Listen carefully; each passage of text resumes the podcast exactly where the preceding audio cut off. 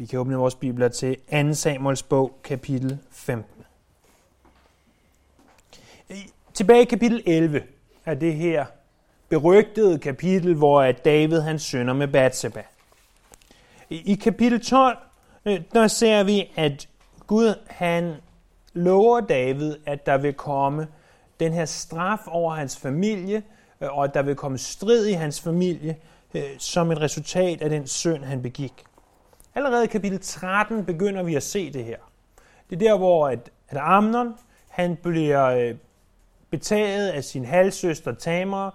Han går ind og øh, voldtager hende, og Tamar han, hun har en, øh, en bror, der hedder Absalon. Absalon slår så Amnon ihjel, og Absalon bliver så nødt til at flygte op til sin morfar i Geshur. Det var da kapitel 13 sluttede sidste gang. I kapitel 14 så vi så, at David egentlig ikke ønskede at få Absalom tilbage. Men Joab kunne godt se, altså Joab, Davids krigsfører, kunne godt se, at hvis Absalom ikke kom tilbage, så er det ikke sikkert, at David ville, øh, Davids familie ville producere den næste konge. Og derfor så ønskede Joab at få Absalom tilbage. Så igennem list sørger han for, at David får inviteret Absalom tilbage. I det Absalom så kommer tilbage til Jerusalem, så sker der det, at at han bliver boende i sit eget hus, og der går to hele år, hvor Absalom ikke får lov at se David, sin far. Øh, og til sidst så er det nok for ham, øh, og han prøver at komme til David igennem Joab, men Joab vil ikke lade ham, øh, gider slet ikke tage hans opkald, og øh, sådan sagt på modernisk, og øh, derfor så sætter Absalom ild til Joabs mark, og Joab går så hen for at sige til ham, hvad bilder du dig ind? Hvor at han så siger, at jeg vil gerne se David, og så får han foretræde for David, og David øh, tilgiver jo øh, Absalom og, og kysser ham. Det var det sidste, vi så i kapitel 14. Øh, det er det, der er op til nu. Og øh, det er jo egentlig en på sin vis lidt trist, men også en lidt smuk historie om tilgivelse. Og øh, hvis kapitel 15 ikke havde været der, og hvis, hvis bogen sluttede der, så vil vi tænke, okay, der har været nogle gnidninger i Davids familie. Ja, der var en, der blev slået ihjel, og en anden, der blev voldtaget. Men der var tilgivelse til sidst. Men, men det er ikke sådan, det ender fra Absalons side. Absalon havde ikke angret det, han havde gjort. Han havde ikke angret, at han tog sagen i egen hånd. Og vi ser først i vers 1-12, hvordan Absalon han gør oprør imod David. I det, at han i de første seks vers begår underslæb. Vi læser, at nogen tid efter anskaffede Absalon sig vogn og heste og en livvagt på 50 mand. Han plejede at stille sig ved vejen til porten om morgenen og kalde en hver til sig, der var på vej til kongen for at få en retssag afgjort. Han spurgte så, hvilken by kommer du fra? Og når den anden svarede, at han var fra en af Israels stammer, sagde Absalon til ham, din sag er god, og den er rigtig, men hos kongen finder du ingen lydhørighed og Absalon for til, og giv mig vel gøre mig til dommer her i landet, så skulle jeg nok skaffe en hver, der kom for at få sin sag afgjort sin ret. Hver gang nogen kom hen, kastede sig ned for ham, rakte han hånden ud, rejste ham op og kyssede ham. Sådan var Absalon sagde, og for alle de israelitter, der kom til kongen for at få en retssag afgjort, og på den måde stjal han deres hjerte. Så der er altså gået noget tid efter Absalon er kommet tilbage. Der er gået noget tid også, øh, tror jeg, efter de to år. Han går så ud og med øh, nogle midler, han har, anskaffer sig en vogn og nogle heste. Og øh, det kan man sige, det er der jo ikke noget voldsomt mærkeligt i. Men hvorfor er det, man får en vogn? Det er for at kunne køre hurtigt. Men hvis man så samtidig har 50 mænd, der skal løbe ved siden af, øh, så er det ikke for at køre hurtigt længere, så er det for at vise, at man er noget. Og, og netop det blev der talt om helt tilbage i 1. Samuels bog, kapitel 8, vers 11, at den konge, der skal regere over jer, har disse rettigheder. Jeres sønner vil han sætte til at gøre tjeneste med sine vogne og heste og til at løbe foran sin vogn. Øh, det var allerede forudsagt dengang, at det var det, kongerne ville gøre blandt andet. Så det var en kongelig ting at gøre. Øh, det var et statussymbol af 50 mænd, en livvagt, der løb ved siden af din vogn. Han ønskede at tiltrække opmærksomhed til sig selv. således at han ved at tiltrække opmærksomhed, øh, kunne få folkets øjne åbnet for, hvilken fantastisk mand han var. Øh, vi husker jo, at øh, han er Davids søn, han er kongens søn. Vi husker også, at vi læste, måske husker vi, sidste gang i kapitel 14, vers 25, at han var skøn fra ise til fod, fra top til bund, og der var ingen fejl ved ham. Og når man klippede hans hår, så var øh, en gang om året, så vejede det afskillige kilo. Han havde det her tykke, tykke, kraftige hår. Øh, senere, interessant nok, kommer Davids fjerde søn. Absalon var den tredje. Den fjerde er Adonia. Han øh, gør nøjagtigt det samme i 1. kongebog, kapitel 1, vers 5. Så hvis man vil prøve på at tage tronen, så skulle man altså have en hest eller heste, have en vogn og have 50 mænd, var det de tænkte. Så var det sådan, at der hvor man fik sine sager afgjort, det var øh, typisk i byporten, og, og Absalom stiller sig så lidt før byporten, og øh, alle der kommer, øh, siger han til, hvor kommer du fra? Og hvis de sagde, jeg er israelit fra den og den stamme, så siger Absalom til dem, jeg ved, at det du kommer med, det er helt specielt. Jeg kan godt forstå. Jeg har virkelig medfølelse med din sag. Din sag er god, din sag er ret. Desværre øh, så kommer du ikke til at have foretræde for kongen. Han har simpelthen ikke tid til dig. Hvis nu jeg var dommer, så ville jeg selvfølgelig have haft tid til dig, men kongen har ikke tid til dig. Og hvis du kommer op til kongen, og, som fungerer lidt som en slags højeste ret, så er det øh, formodentlig fordi, at du har en sag, som er rigtig, rigtig vigtig for dig. Det kan være, at nogen har slået en ihjel i din familie. Det kan være, at nogen har stjålet noget for dig. Øh, eller øh, noget helt tredje, som virkelig havde en dyb betydning for dig. Det var det, dine tanker var fyldt med. Du havde måske rejst øh, adskillige dage for at komme til Jerusalem. Og du ser byporten dernede, og du tænker, nu er jeg her endelig. Nu skal jeg op og tale med kong David. Og så kommer der en og siger til dig, desværre, han har ikke tid. Og, og du finder måske ud af, du ved måske, at ham her det er kongens søn, og du går ud fra, at han ved, hvad der foregår. Du ved jo ikke nødvendigvis den her splittelse, der er imellem kongen og hans søn. Tænk så, hvilken skuffelse du måtte føle. At nu har du rejst, nu har du gået med det her problem, måske i dage, måske i måneder, måske i år, og så kan du ikke få det løst, nu du endelig har taget dig sammen til at besøge kongen. Så folkets hjerter blev forbitret over for David, øh, men fandt sympati over for Absalom, som sagde, hvis det havde været mig, så havde jeg øh, gjort noget andet ved det. Det er ikke fordi, at det David han gør er at forsømme sine pligter, men vi må formode, at han gør det halvhjertet, øh, sine pligter. Øh, ellers ville Absalom ikke kunne have gennemført det her. Og det, som Absalom han gør, det er, at han så slår splid i folket. Øh, Bibelen kalder en mand, der sår splid, for en ond mand. Og han er, det er en af de syv ting, som Herren afskyer. Alt det læser vi om i Ordsprogens bog, kapitel 6. Prøv en gang at slå op i Romerbrevet, kapitel 16.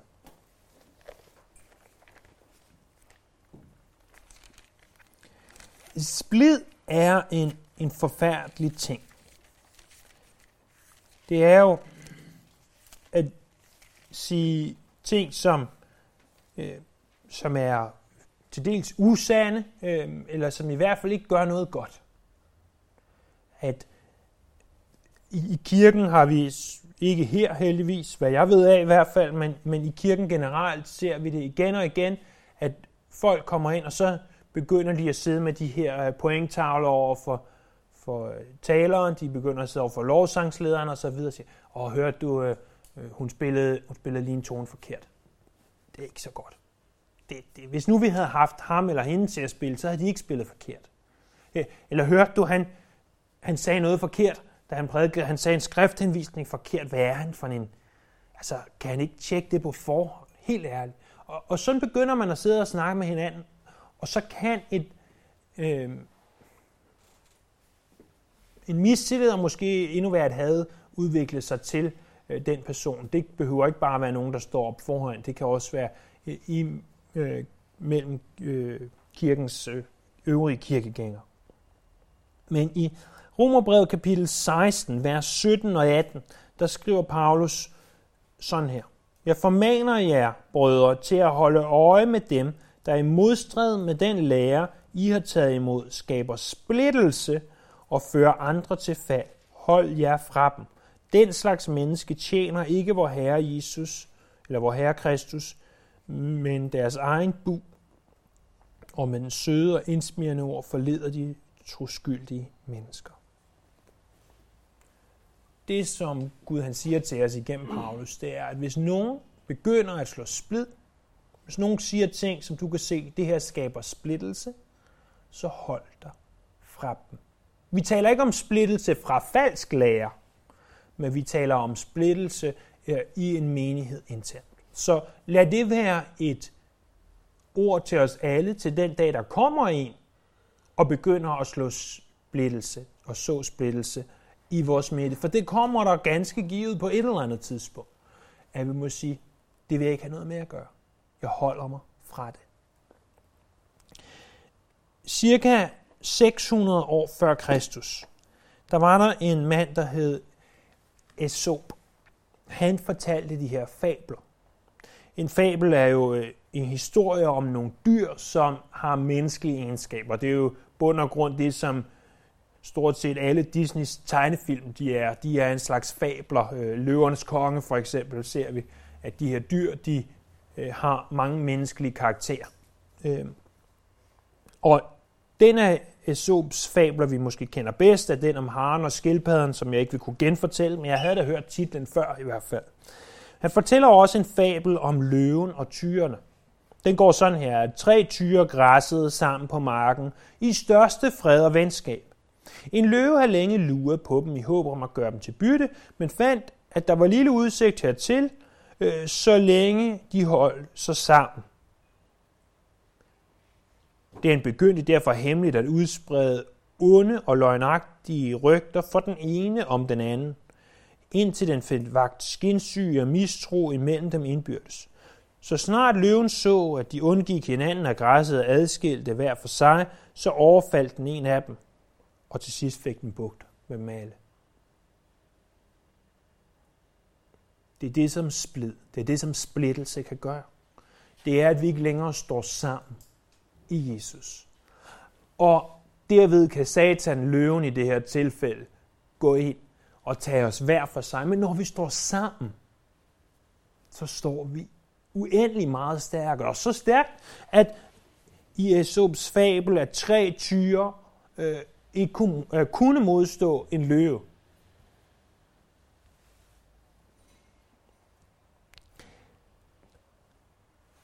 Så det Absalon får gjort, er det, som Esop han beskriver. Det er det, som Paulus skriver om også.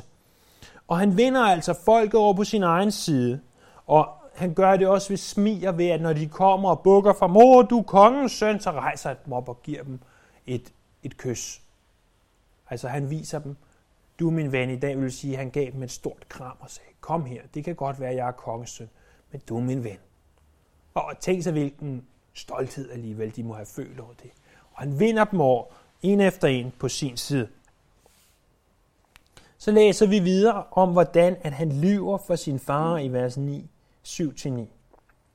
Da der var gået fire år, sagde Absalon til kongen, jeg vil gerne tage til Hebron, Hebron og indfri et løfte, jeg har aflagt til Herren, da jeg boede i Geshur i her Aflagde jeg nemlig det løfte, at hvis Herren virkelig lader mig komme tilbage til Jerusalem, vil jeg bringe Herren et offer. Kongen svarede, gå med fred, og han tog straks til Hebron. I den hebraiske tekst står der ikke, at det er fire år, men efter 40 år. Og der findes forskellige forklaringer på, hvorfor at, at nogle manuskripter skriver, eller de fleste skriver 40 år, men man mener altså, at det er en overleveringsfejl, at der burde have stået fire år. Så hvis din bibel står 40 år, så burde der nok stå fire år, ligesom der gør den danske. Og det er altså foreslået, at det betyder, at Absalons underslæb varede i de her cirka fire år. Han siger så til David, David, far, jeg har behov for at tage til Hebron, og jeg skal øh, ofre noget, og det skal jeg gøre, fordi det lovede jeg herren, dengang jeg var på morfar i Geshur. Og, og David siger, offer, det er noget med Gud, det må du gerne, gør endelig det. Øhm, ah, Hebron var jo der, hvor Absalon var født. Det var der, hvor David fik indstiftet sig som kong. Og det var jo passende, at Absalon tænkte, hvis jeg kan komme til Hebron, så kan jeg også blive konge fra Hebron. Tænk så, hvor mange bud, at Absalon bryder i det her, de her tre vers. Han bryder det tredje bud ved at misbruge Herren sin Guds navn, ved at sige, at han skal ned og ofre til Herren. Han skulle ikke ofre til Herren, han skulle ofre for sin egen skyld. Han bryder også sin niende bud ved at lyve, og ved at ikke at fortælle, hvad hans egentlige intention var. Han bryder det femte bud ved ikke at ære sine forældre, ved at underminere den regering, som David, hans far, han havde. Prøv at se i vers 9, der siger kongen, Shalom, fred, gå med fred. Det er de sidste ord, som David og Absalon taler til hinanden. Fra Absalons side var det brud på tre af de ti bud. Det var løgn over for sin far. Det var disrespekt over for sin far. Fra Davids side var det gå med fred.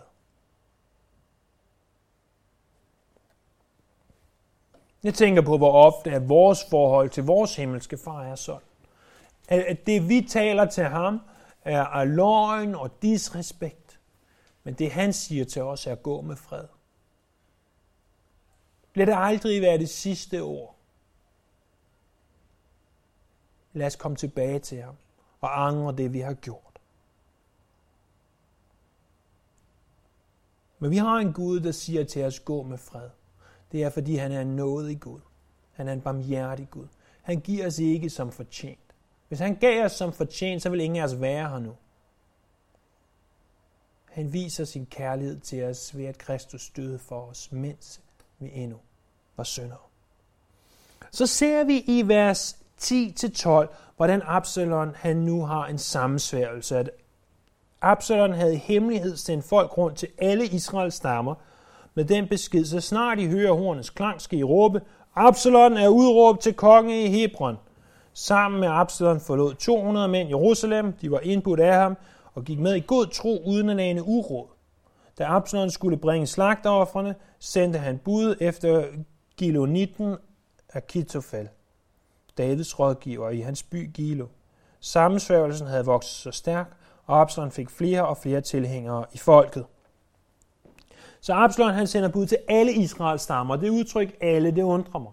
Det undrer mig, at hvis han kan sende bud til alle stammer, og David ikke får mere at vide om det, end han gør, men han drager så afsted, tager 200 mænd med sig. De 200 mænd ved ikke om, hvad der foregår, men det ser lidt voldsomt ud, når Absalom kommer ridende, måske med sine 50 livvagter, som måske godt ved, hvad der foregår, og derudover med de her 200 intetanende mænd ned til Hebron. Og øh, det offer, som han, han offer, det er nok et indsættelsesoffer. Et offer, fordi han skulle være konge. Og så, møder vi, så sender han bud efter en mand, som vi møder her for første gang, der hedder Achitofel. Han var en af Davids betroede rådgivere, kommer vi senere til at se.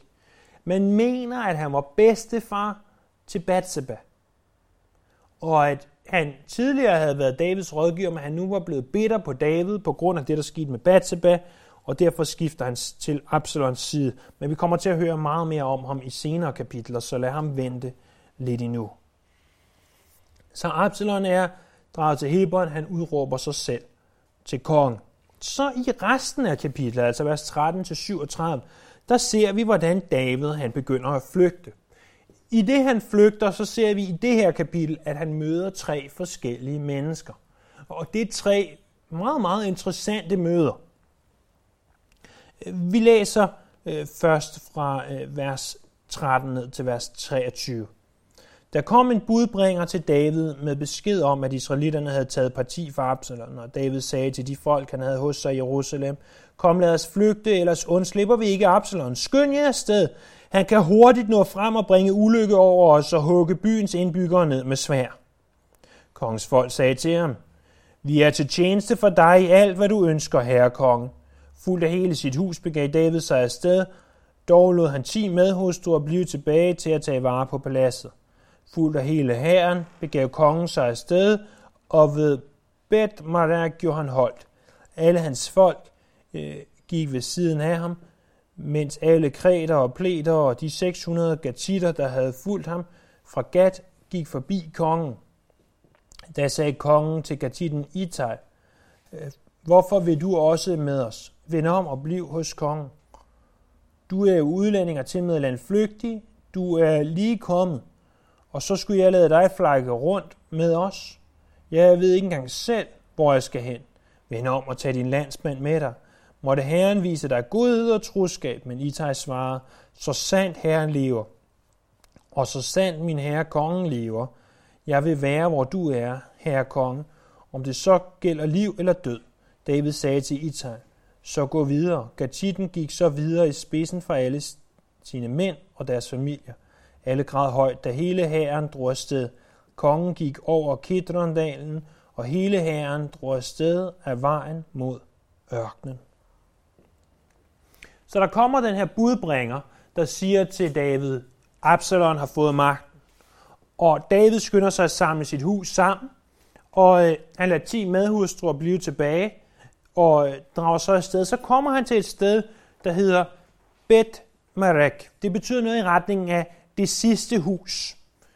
Det har nok været en slags pavillon på kanten øh, af Davids byen. Så her har vi Davids byen, altså det, det nuværende Jerusalem. Helt herop vil templet komme, senere komme til at ligge. Så pavillonen har måske været hernede et sted ved den her flod med, med en udsigt, der øh, kunne se nogenlunde sådan her ud, bortset fra alle bygningerne. Her ser vi øh, fra Davids byen over imod Oleumbjerget. Så de har stået her. De har haft nogenlunde landskabsmæssigt, ikke bygningsmæssigt, landskabsmæssigt, den her udsigt hernede i dalbunden løber Kidronbækken, som vi kommer til at høre om om lidt. Og vi ser det her ovenfra, hvor at, at øh, ja, her er Olivenbjerget, og hernede er, er dalen, øh, Kedrondalen. Så der, hvor de var lige nu, det har været ja, her et sted på kanten af Davidsbyen. Der gør de holdt. Der samler de op. Og der siger David så, han stopper op, og han siger, lad alle passere forbi mig. Øh, på nær min egen øh, familie. Så de mennesker, han har med sig, det er hans tjener og familie. Så passerer folk forbi ham, for han skal se, hvem er med mig? Hvem er med mig? Der er de her kreter og pleter. Det var livvagten, øh, hans lejesvende, som han havde. Så var der 600 gatitter. Man mener, at de kaldes gatitter, fordi det var dem, dem der var med ham i øh, Gat, altså de 600 mænd, der drog rundt med ham øh, i Gat. Men der var også en rimelig nytilkommen mand. Han er også en gatit. Han er en virkelig gatit. Han er fra byen Gat. Han er filister. Hans navn er Itai. Han må have haft en eller anden status i filisterland, men var draget med David og, og gået over på Davids side, gået i hans tjeneste, men for relativt nylig. Han bliver senere en af Davids herrefører. Det skal bemærkes også i blandt Davids 30 mænd, som nævnes senere, øh, også en, der hedder Itai, men det er ikke den samme person. David opfordrer Itai til at tage tilbage til Jerusalem, fordi han siger, øh, tag tilbage til den nye konge og vær der, for du kan nå at komme over på hans side, lad være med at flakke rundt med mig. Han ønsker ham også godhed, det hebraiske chesed, og, og troskab. Men Itai siger, bemærk det der i vers 21, så sandt Herren lever, og så sandt min konge lever, jeg vil være, hvor du er, herre konge, om det så gælder liv eller død. Tænk sig, at Absalon, Davids egen søn, sagde, jeg vil være konge foran Israels største konge, David.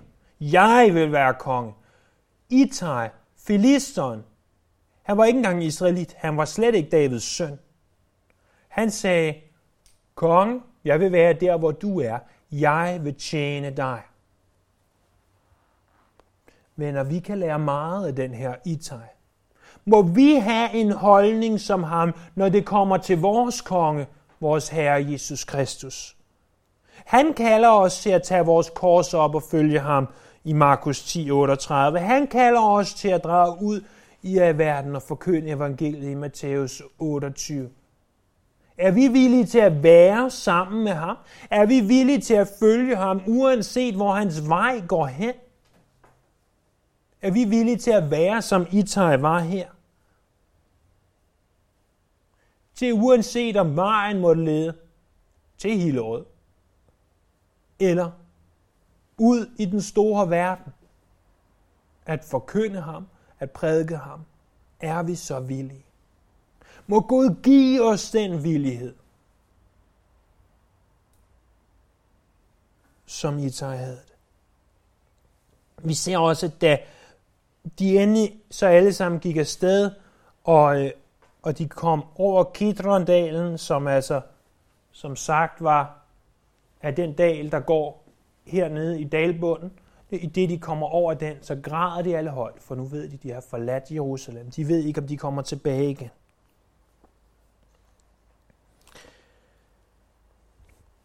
Det viser også, at i det, de græder højt, at der stadigvæk er mennesker, der har sympati for David, der er på Davids side, at alle de her mennesker stadigvæk vil være med David. Så møder David en anden mand i vers 24-31. Sadok var der også, og med ham var der alle levitterne, som bar Guds pagts ark.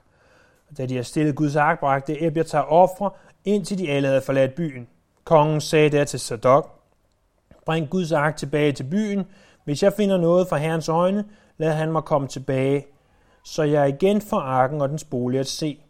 Men skulle han sige, at han ikke længere bryder sig om mig, så må han gøre ved mig, som han finder for godt. Og kongen sagde til præsten Sadok, hør her, gå trygt tilbage til byen sammen med begge jeres sønner. Øh, din søn Akim, As og Ebetars søn Jonathan. I mellemtiden venter jeg på jer ved vadestederne i ørkenen til at få besked fra jer. Sadok og Ebiatar bragte da Guds ark tilbage til Jerusalem og blev der. David gik videre op af olie eller olivenbjerget og græd hele vejen. Barfodet og med tilhyllet hoved, og alle, der fulgte ham, gik med tilhyllet hoved og græd. Da David fik at vide, at Achitofel var sammen med dem, der havde sammensvoret sig med Absalon, sagde han, Herre, gør Achitofels råd til skamme. Så det her er altså det andet møde, som David han har.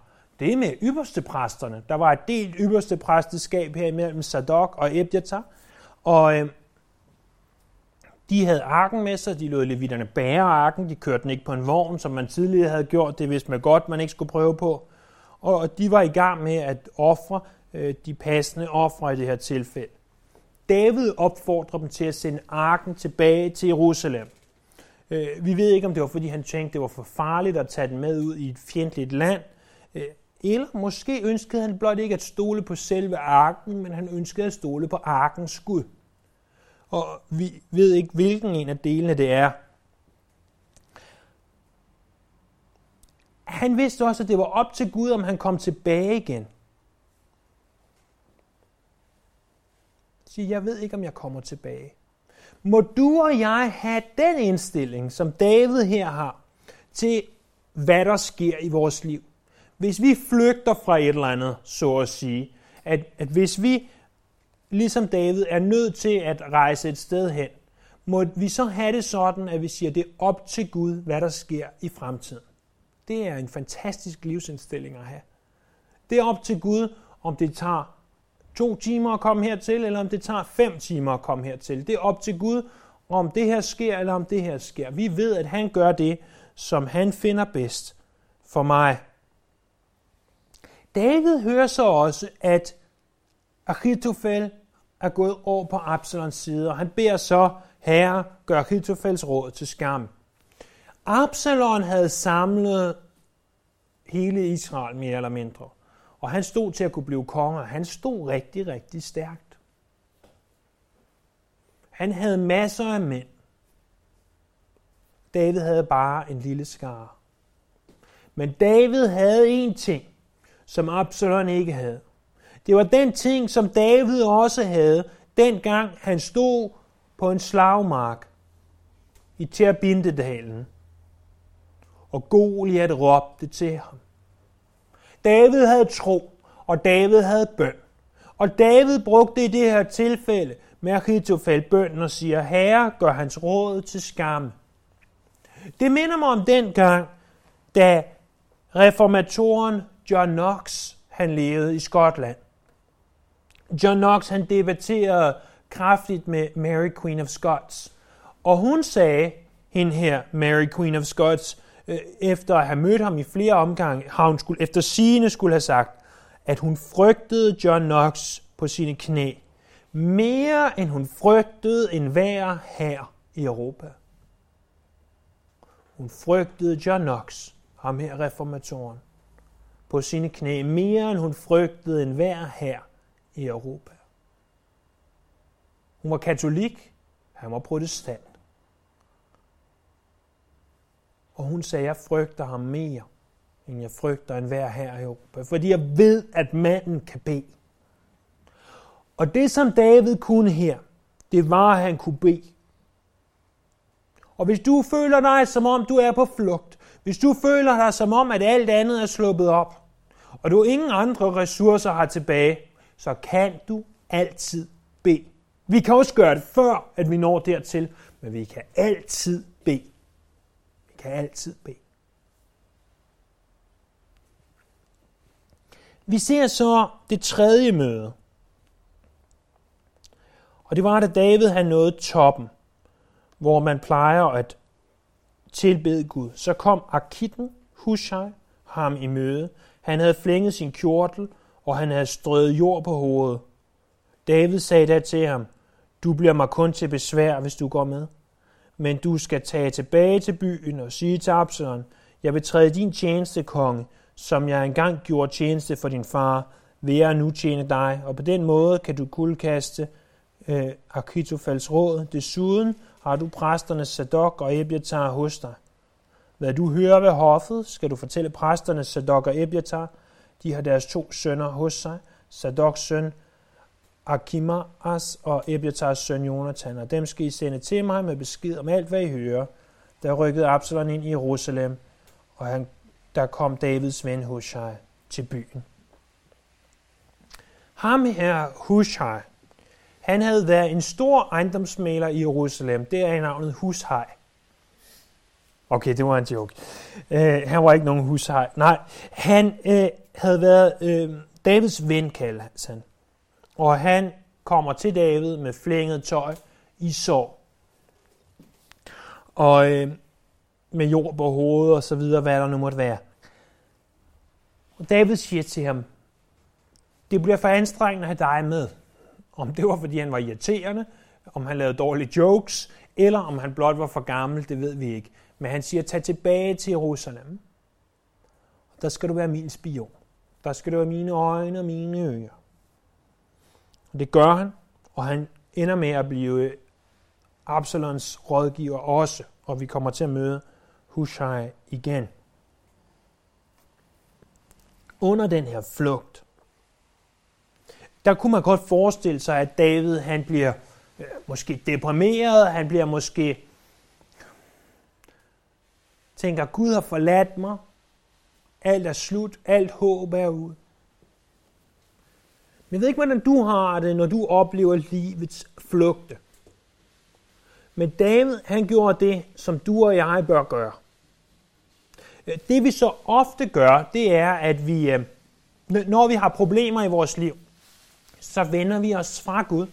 Vi vender os fra kirken, vi vender os fra fællesskab med ham, og vi flygter den helt forkerte vej. Hvor vi egentlig godt ved, at vi bør ikke løbe fra Gud, men til Gud. Og det var netop det, David han gjorde. Han løb ikke fra Gud, han løb til Gud. Prøv en gang at slå op i salme 3.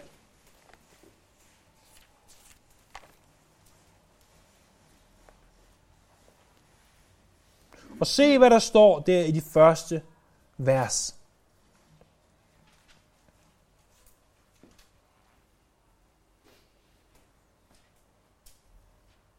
Man skal huske, at hvis man sidder med en engelsk bibel, så kan der, eller ikke kan, så er der forskel på versnummereringen i den engelske bibel og i den danske bibel. Det er fordi den danske bibel holder sig op af den hebraiske versnummerering i det gamle testamente, hvor den engelske bibel holder sig op af øh, den, der hedder øh, Septuaginta, som er den græske oversættelse af det hebraiske øh, Gamle Testamente.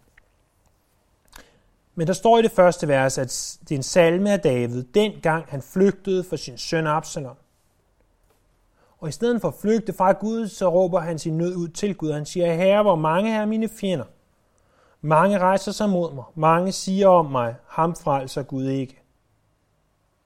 Men du, Herre, er mit skjold, min ære og den, der løfter mit hoved. Jeg råber højt til Herren, og han svarer mig fra sit hellige bjerg.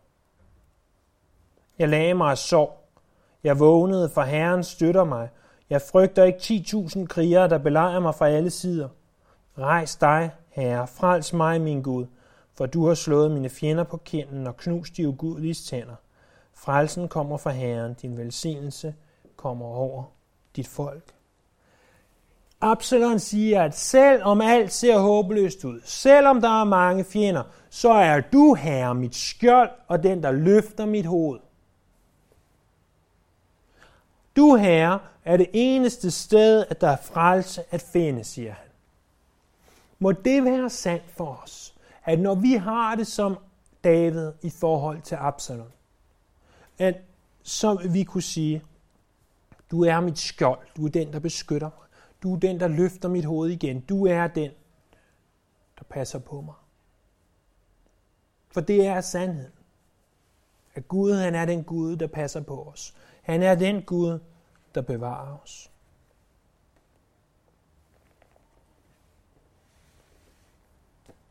Når han ikke, når vi føler, at han ikke bevarer os, så gør han det alligevel, men han gør det på sin måde. Lad os bede sammen. Herre Jesus, tak for de sandheder, vi har lært i det her kapitel. Vi beder om, at vi ikke må slå splid, og vi ikke må lytte til det. Vi beder os om, at,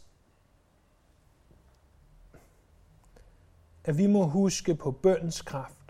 At vi må være som David, vi må være som John Knox. Vi beder her, at, at du taler de her sandheder og mange flere ind i vores hjerter. Og du gør os mere som dig. Vi velsigner dit navn her. Vi tilbeder dig. Vi priser og ærer dig.